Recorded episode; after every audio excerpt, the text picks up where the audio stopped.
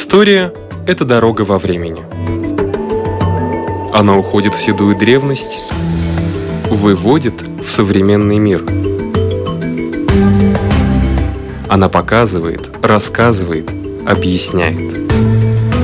И не перестает удивлять. Живая история на латвийском радио 4.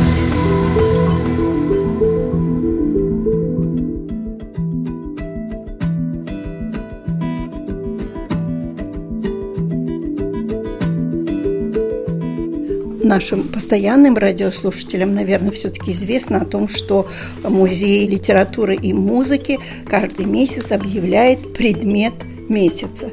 И на сей раз это музыкальный предмет, и о нем расскажет сотрудница музея, музыковед Инесса Жуна. Добрый день. Да, в этом месяце у нас такой предмет, который связан с Альфредом Калнинчем, потому что 23 августа ему исполнялись бы 140 лет. Это большой юбилей, да, и он очень знаменитый латышский композитор – все знают, наверное, что он автор первой оперы латышской «Банюта», но он написал потом еще две оперы, и балет, и у него хоровая музыка, инструментальная музыка, симфоническая музыка и сольные песни. И еще он был знаменитым органистом, в том числе он долгие годы работал в Домском соборе, где он считался ведущим органистом. Но еще он работал в АСВ, еще он работал в Перну, Лепае, Цесис, там он родился тоже. Так что его биография очень пестрая и очень богатая. Этот предмет это очень интересно, потому что мы можем видеть, как больше чем сто лет назад издавали ноты. Эти были такие цинковые пластины, где методом гравирования, там ноты в зеркальном, это все от, отображение, да, и потом только на бумагу это все делали. Mm-hmm. Но можете представить, как четко надо было это все делать, чтобы не было ошибок, потому что эти плетки цинковые, они же дорогие были, да, и там много ошибок. Если ошибка одна хоть, надо все переделать с этими гравюрами связано не только то, что это очень интересно в связи с издательством, но и с биографией Альфреда Калнини.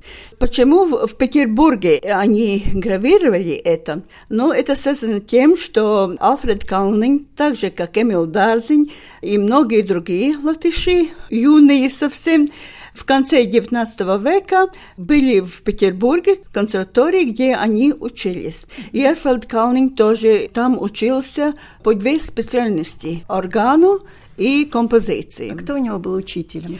Знаменитый Хомилус – и Лядов, один из учителей, ему был по композиции. Но он не закончил Петербургское консерваторию, ему что-то не понравилось там, не только что там было мало денег, но ему что-то не понравилось, и он так же, как Дазин, вернулся в 1901 году в Риге. Но в Риге в то время латыши не могли работать. У него не было никакого такого, э, да, возможности. Только частные школьники у него уроки, были, да. уроки, да, он преподавал. И он тогда уже был автор многих композиций, он хотел издать свои пьесы сольные. И он обратился к многим издательствам, в том числе Рижское латышское э, общество. Там была музыкальная комиссия, которая единственная издавала тогда латышские композиторы. Но им не понравился стиль этих песен, что он очень новаторический. И Модернистский. Мод, ну бы, да, ну новаторский. Новаторский, стиль, да. да, но они, я смотрю, теперь не такие новаторские, ну, я не знаю почему. Спустя но, два века почти. Да. да, но никто не издавал. И тогда его такой Вообще в Латвии очень знаменитый Юлис Модернекс, он художник. Он в то время еще учился в Петербурге. Он помогал Альфреду Калнину самому издать эти произведения. И тогда он там э, издательство Шмидт, я не знаю, как имя этого человека, который в Петербурге издавал эти ноты, ну, Га Шмидт написано там, и он гравировал эти песни и издавал. Калнин сам дал эти деньги, чтобы издавать песни его первые, но они очень пошли, и очень многие пели эти песни не только в Латвии, но и тоже за границей. Ну, тогда Латвии вообще не было, да. да. да, да. Но не только в Российской империи, но по всей России они пели. Очень многим певцам понравились эти песни. И так они издавали четыре раза эти песни. Потом уже в 1903 году Альфред Калнин получил место органиста в Перну. Это был такой курортный, еще теперь курортный город, тихий, очень красивый, зеленый, и он там работал органистом, и там тоже очень много композиций. И там 20 сольных пьес, и тогда он был уже женат, его жена была Аманда, которая была и певица – и она тогда помогала еще выдать ему эти тетради сольных пьес. И в этих пьес, в десятом тетради, находится сольная пьеса, которую мы видим в эти плетки. Это по-латышски звучит «Куршалскац кокс», где дерево шумит. И слова Густава Шчилтера, который художник, и тоже они вместе были тогда в Петербурге, учились, так они познакомились. Там был тоже Теодор Залькаун, который тоже помогал ему издать эти все сольные ноты. Ну, так что все были связаны. Не да, так много да. было этих студентов музыки и художники. Они все друг друга знали и помогали друг другу, как могли. Ну и эта плитка, она очень редкая сейчас уже, но у нас она сохранилась. Она издана в 1909 году. И ну там очень э, трудно видеть эти все ноты, и там не только латышский текст, там перевели еще на немецком, чтобы еще больше пели эти песни. И все в зеркальном ображении, да? да. Так что очень интересно посмотреть, как надо в то время было издать ноты. И связано это с Калнинем. А насколько велика эта плитка, на которой вот изображены? Ведь я так э, поняла, не только ноты, но и текст. Да, там и текст, и ноты, но все как потом изображено на листе. Она примерно А4 форма. А, А4. Маленькая, так это очень скрупулезная работа. Да, очень скрупулезная, да. да. И да. так вот сохранились, смотрите, сколько да. лет. Да, но это больше, если это издано в 1909 году, ага. ну, можем сказать 100, сколько 110. там? 110 лет, да. Именно юбилей, 110 лет этой плиточки, которая сохранилась. А как вообще потом сложилась судьба Алфреда Калниня? Ну, потом ничего, потом он уже получил место в Лепае, работал, потом немножко работал в Америке, там тоже он создал много и негритянской фольклора там. Он понравился ему, да? Ну, я не знаю, сколько там ему понравилось, но он ее изучил там да. и знал. Тоже он работал органистом, но все-таки потом в 1933 году он вернулся в Латвию. И потом был профессором консерватории, а после Второй мировой войны он был ректором консерватории, но очень короткое время. Играл в Домском соборе, как я уже сказала, mm-hmm. и вообще, ну, очень его деятельность была широкая. Прожил долгую жизнь? Ну, не так э, долго, но прилично прилично. И его сын Янис Калнинч, это тоже композитор, очень знаменитый. Ну, тот поехал в Тримду, он э, уехал после Второй мировой войны, но он, э, например, Хамлет здесь, опера Ставил, у него оставил здесь, и сам был дирижер. Так же, как отец, Альфред Калнинг был тоже дирижер, он хоре дирижировал и оркестр, так что он очень так был виспусейкс. Всесторонне развитый, талантливый человек. Но в репертуаре праздника песни ведь есть песни Альфреда Калнинга? Да, есть, и у него много песен, но я думаю, что сольные песни, они популярнее. А сын так и остался в эмиграции? Да, да, он остался и умер там, да. А дети, внуки? Дети, внуки у него были, да. Хочу сказать, что они с Латвией не поддерживают связи. Нет, я не слышала. И этот предмет месяца будет выставлен в музее Яна Розенталя и Рудольфа Блауманиса. Да. Весь месяц, да? Весь месяц, да. Потом опять будет какой-то другой предмет. Пусть это останется тайной. Да.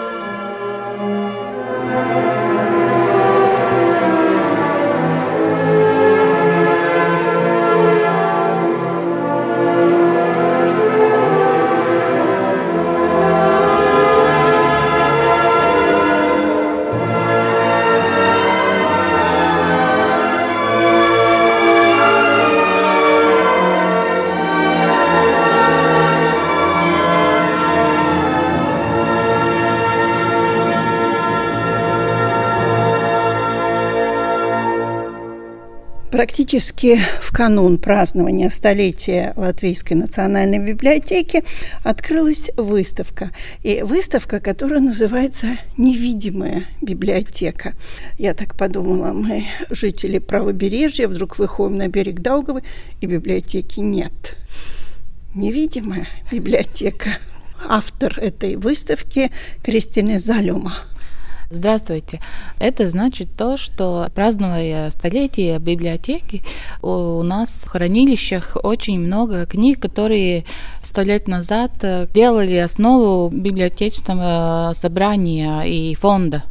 И эти книги когда-то стояли в приватных библиотеках, личных, или у училищах стояли, в всяких обществах, и они по всяким полкам стояли стоят в нашей библиотеке, но коллекция каковая, она вот в этой выставке будет э, вместе первый раз после, э, когда они стояли, например, э, в поместье в полках, и через сто лет.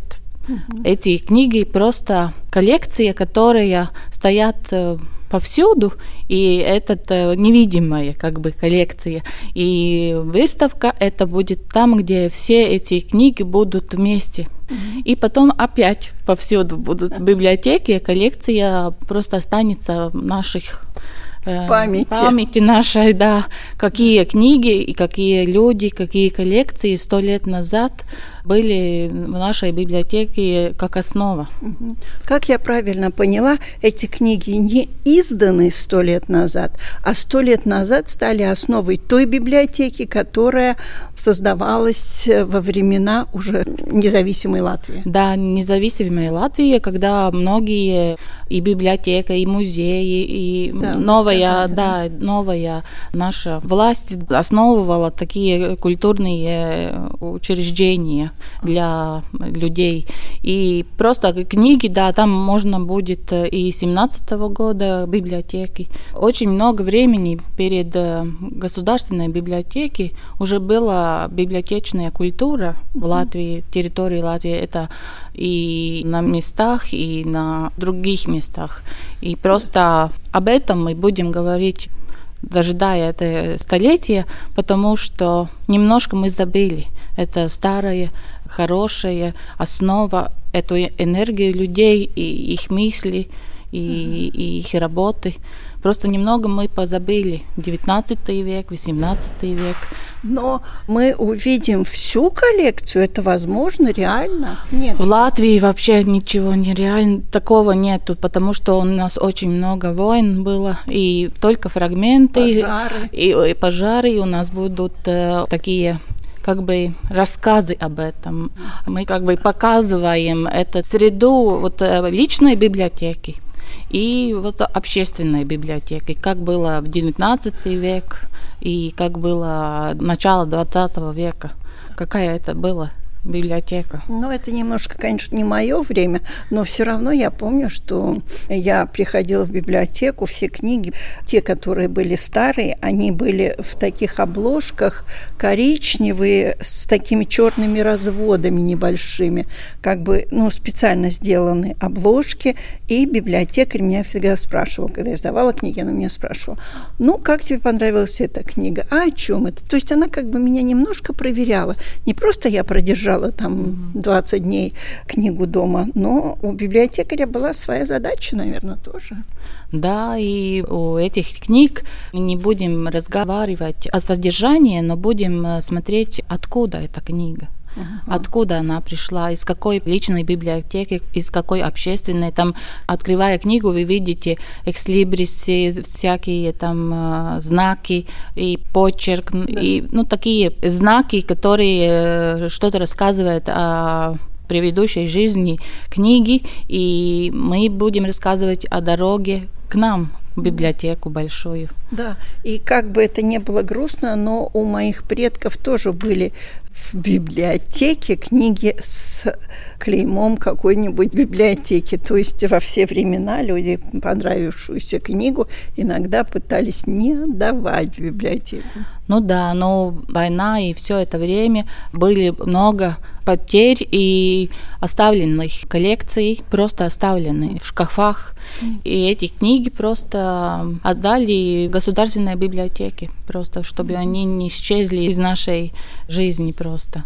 Госпожа Залюма, может быть, расскажете как а, историю о какой-нибудь библиотеке или книге, о каком-нибудь человеке, кто свою коллекцию вам завещал? не завещали, это немножко по-другому вы увидите в выставке. Но у меня было такое открытие, что, если знаете, в Елгаве есть Академия Петрина, и говорят, что все-все-все-все уничтожил эм, огонь все коллекцию просто уничтожили, но в архивах я нашла информацию, что там была пристройка, и там было две большие хранилища библиотеки, и эти остались. Но это осталась учебная библиотека, наверное, и много таких книг, которые были подарены Академии Петрины. И это все у нас в библиотеке. И эту историю об этих книгах вы увидите этой выставке. Что-то сохранилось. Нет так, что совсем все уничтожено. Сколько есть легенд, историй о том, какие библиотеки пропали, о той же библиотеке Ивана Грозного много рассказывают. И у нас тоже, оказывается, есть подобные истории, какие-то библиотеки, которые исчезли и нельзя найти. Такие есть, но я только три года с этим работаю, и каждый день это очень много информации. И, и открытий. И открытий, да. И очень богатая коллекция у нас из Ецовы. Там тоже люди думали, что все прогорело, потому что поместье в 1915 году все разрушено и огонь уничтожил, но хозяин в этом 1915 году, два месяца перед э, пожаром, просто все вывезли из, э, в Ригу. И это все сохранилось в одной э, квартире, и потом власть передала Государственной библиотеке на сохранение. И у нас есть коллекции и гравюр, и книг, и очень-очень богатая коллекция Леонида фон дер Палена но там надо очень много лет, чтобы очень хорошо об этом говорить. Это будет только такое прелюдия, как да. бы рассказ об этой коллекции, потому что есть большая коллекция, очень надо скрупулезно все это смотреть перепроверять, потому что это был очень большой такой род в Латвии. Да, да, да. И надо просто время, чтобы мы очень хорошо об этом знали. Да. да на каждом листочке может быть какая-нибудь ремарка, как что-нибудь. Кто-то из знакомых знаменитого хозяина тоже, какой-нибудь знаменитый человек что-нибудь отметил. Он сам все. Но я думаю, что гравюры он от э, дедушки наследовал. Это знаменитый Петерис фон дер Пален, который служил у Павла Первого. И я думаю, что все эти гравюры от него, просто Леонид фон дер Пален, как библиофил и коллекционер, он все подписывал. И все эти гравюры с маленьким, с его по почерком, маленьким такой ремаркой. И у него очень красивые супер экс-либри на книгах, и золото, золото, много золота, и очень красивые эти край папирс. Бумага, которая э, между листами Да, да, да, там очень красивые орнаменты, просто можно можно новый бизнес начинать от этих красок и того богатства, которое можно найти в книгах. А в основном люди, владельцы библиотек, поставили свою подпись. Но, наверное, были и какие-то печати такие уже сделаны. Да, и печати, и специальные заказанные экслибрисы есть. Mm-hmm. Там есть, где гербовые а, экслибрисы, а, да. где вся история Геральдика рода, вся, да. да, вся история рода можно прочитать, из не, прочитать да. из этого экслибриса. И это была такая очень 19 конце 19 века века и начало 20 века там было как бы модно так заказывать, и не заказывали много в Германии, Мюнхене, эти экслибрисы денежку платили, yeah. и потом все мы находим в книгах, mm-hmm. где можно прочитать это, что это хозяин. Да. Именно тот человек, который заказал этот экслибрис. Ведь есть библиотеки, которые могут поражать количеством книг, а есть библиотеки, которые удивляют качеством, набором, наверное, редких книг. Вот эта выставка именно об этом и об качестве жизни людей, которые было ну, очень важно эти книги, может даже не по содержанию, а по форме, по редкости. И есть много такие рассказы об этом. Но они хорошо сохранившиеся. Да, знаете, и исследованиями могли просто осуществить только вот этом дворце нашим, потому что у нас очень много домов, где хранились книги, но они были в пачках, и мы не могли, просто надо было сохранить, сохранить, сохранить. И вот сохраняя, просто эти все исторические переплеты сохранились, потому что у нас не было возможностей что-то с книгами делать, и их просто очень красивые эти все исторические переплеты, потому что если богатая библиотека, тогда она все переделывает, чтобы а, было да, красиво, да, да. чтобы все такие один на другого похожи, да, обложки, обложки да. да. А эти исторические переплеты выжили, потому что у нас не было вот такой ситуации. Всегда что-то в приоритетах было другое, и много было хранилищ, и много хозяйства, чтобы все вообще-то это сохранить. Да. Но о том, как сохранить старую книгу, известно, наверное, давно. А какие главные условия для библиотечных книг? Главное это влажность. Это очень, очень, важно, очень потому что если да, да, влажность, да, то оно начинает да, или влажность, или сухость, да, и, и все.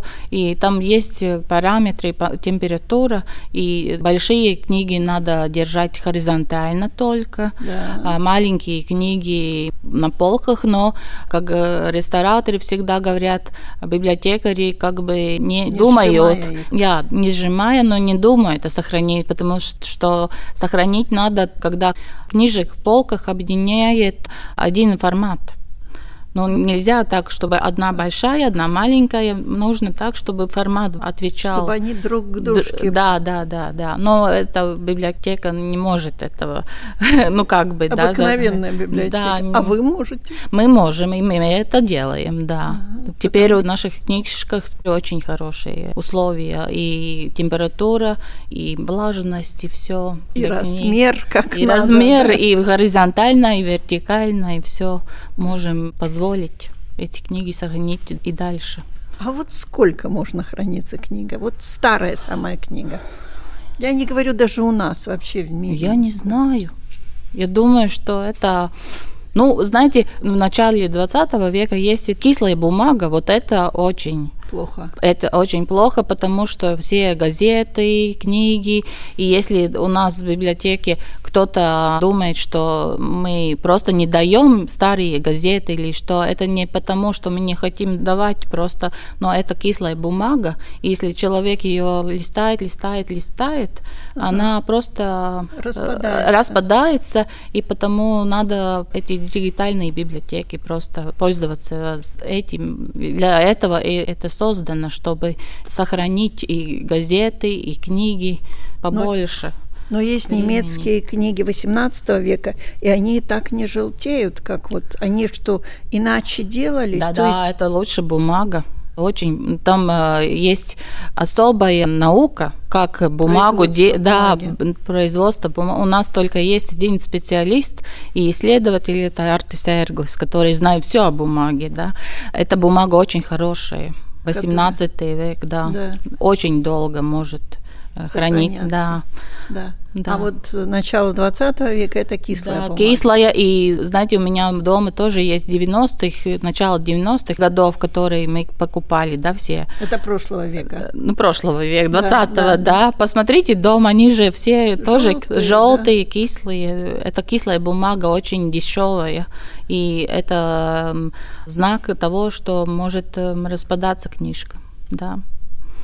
Ну, буду посмотрю свои, оценю, какие у меня бумаги, да. кислые, не кислые. Ну, наверное, у меня все 20 века. Или, ну, ну да. 21-го, конечно, но 20-го. Старше навряд ли есть. У меня есть Пушкин 1937 года рождения. Пару томов таких. Вот они тоже желто-коричневые, такие распадаются. Ну да, наверное, это как делали эти книги. Это от того и зависит, как мы реставраторы всегда говорят, кислая бумага это наша большая проблема, да. это очень большая проблема, кислая бумага. Распадаются газеты, которые очень большие редкость, там 917 века, 18 И нельзя реставрировать никак. И очень опаской большой, да.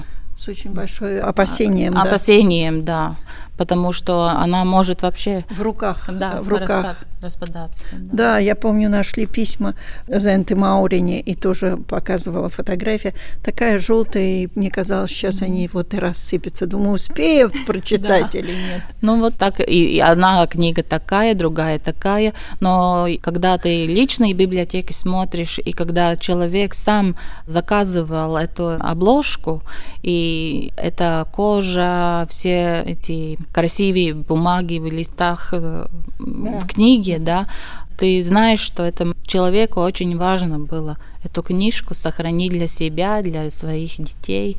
И нам вот в выставке мы хотим, чтобы и взрослые, и дети подумали, что мы оставим после себя, где мы эту книгу оставим, что мы в книге оставим для детей своих или для истории подумать об этом. Если мы читаем только в YouTube или в других гаджетах, да, что после нас останется? Это, Ничего. Этот вопрос актуальный, да, для нас. И до какого продлится выставка? Выставка будет открыта до 1 марта 2020 года и будет э, буклеты на латышском и английском, и будет тоже книга к выставке, где все 14 э, коллекций будут э, описаны. Не как каталог, да, но это будет рассказы об этих коллекциях, потому что у нас только фрагменты коллекции. Спасибо большое. У нашего микрофона автор выставки «Невидимая библиотека» Кристина Залюма.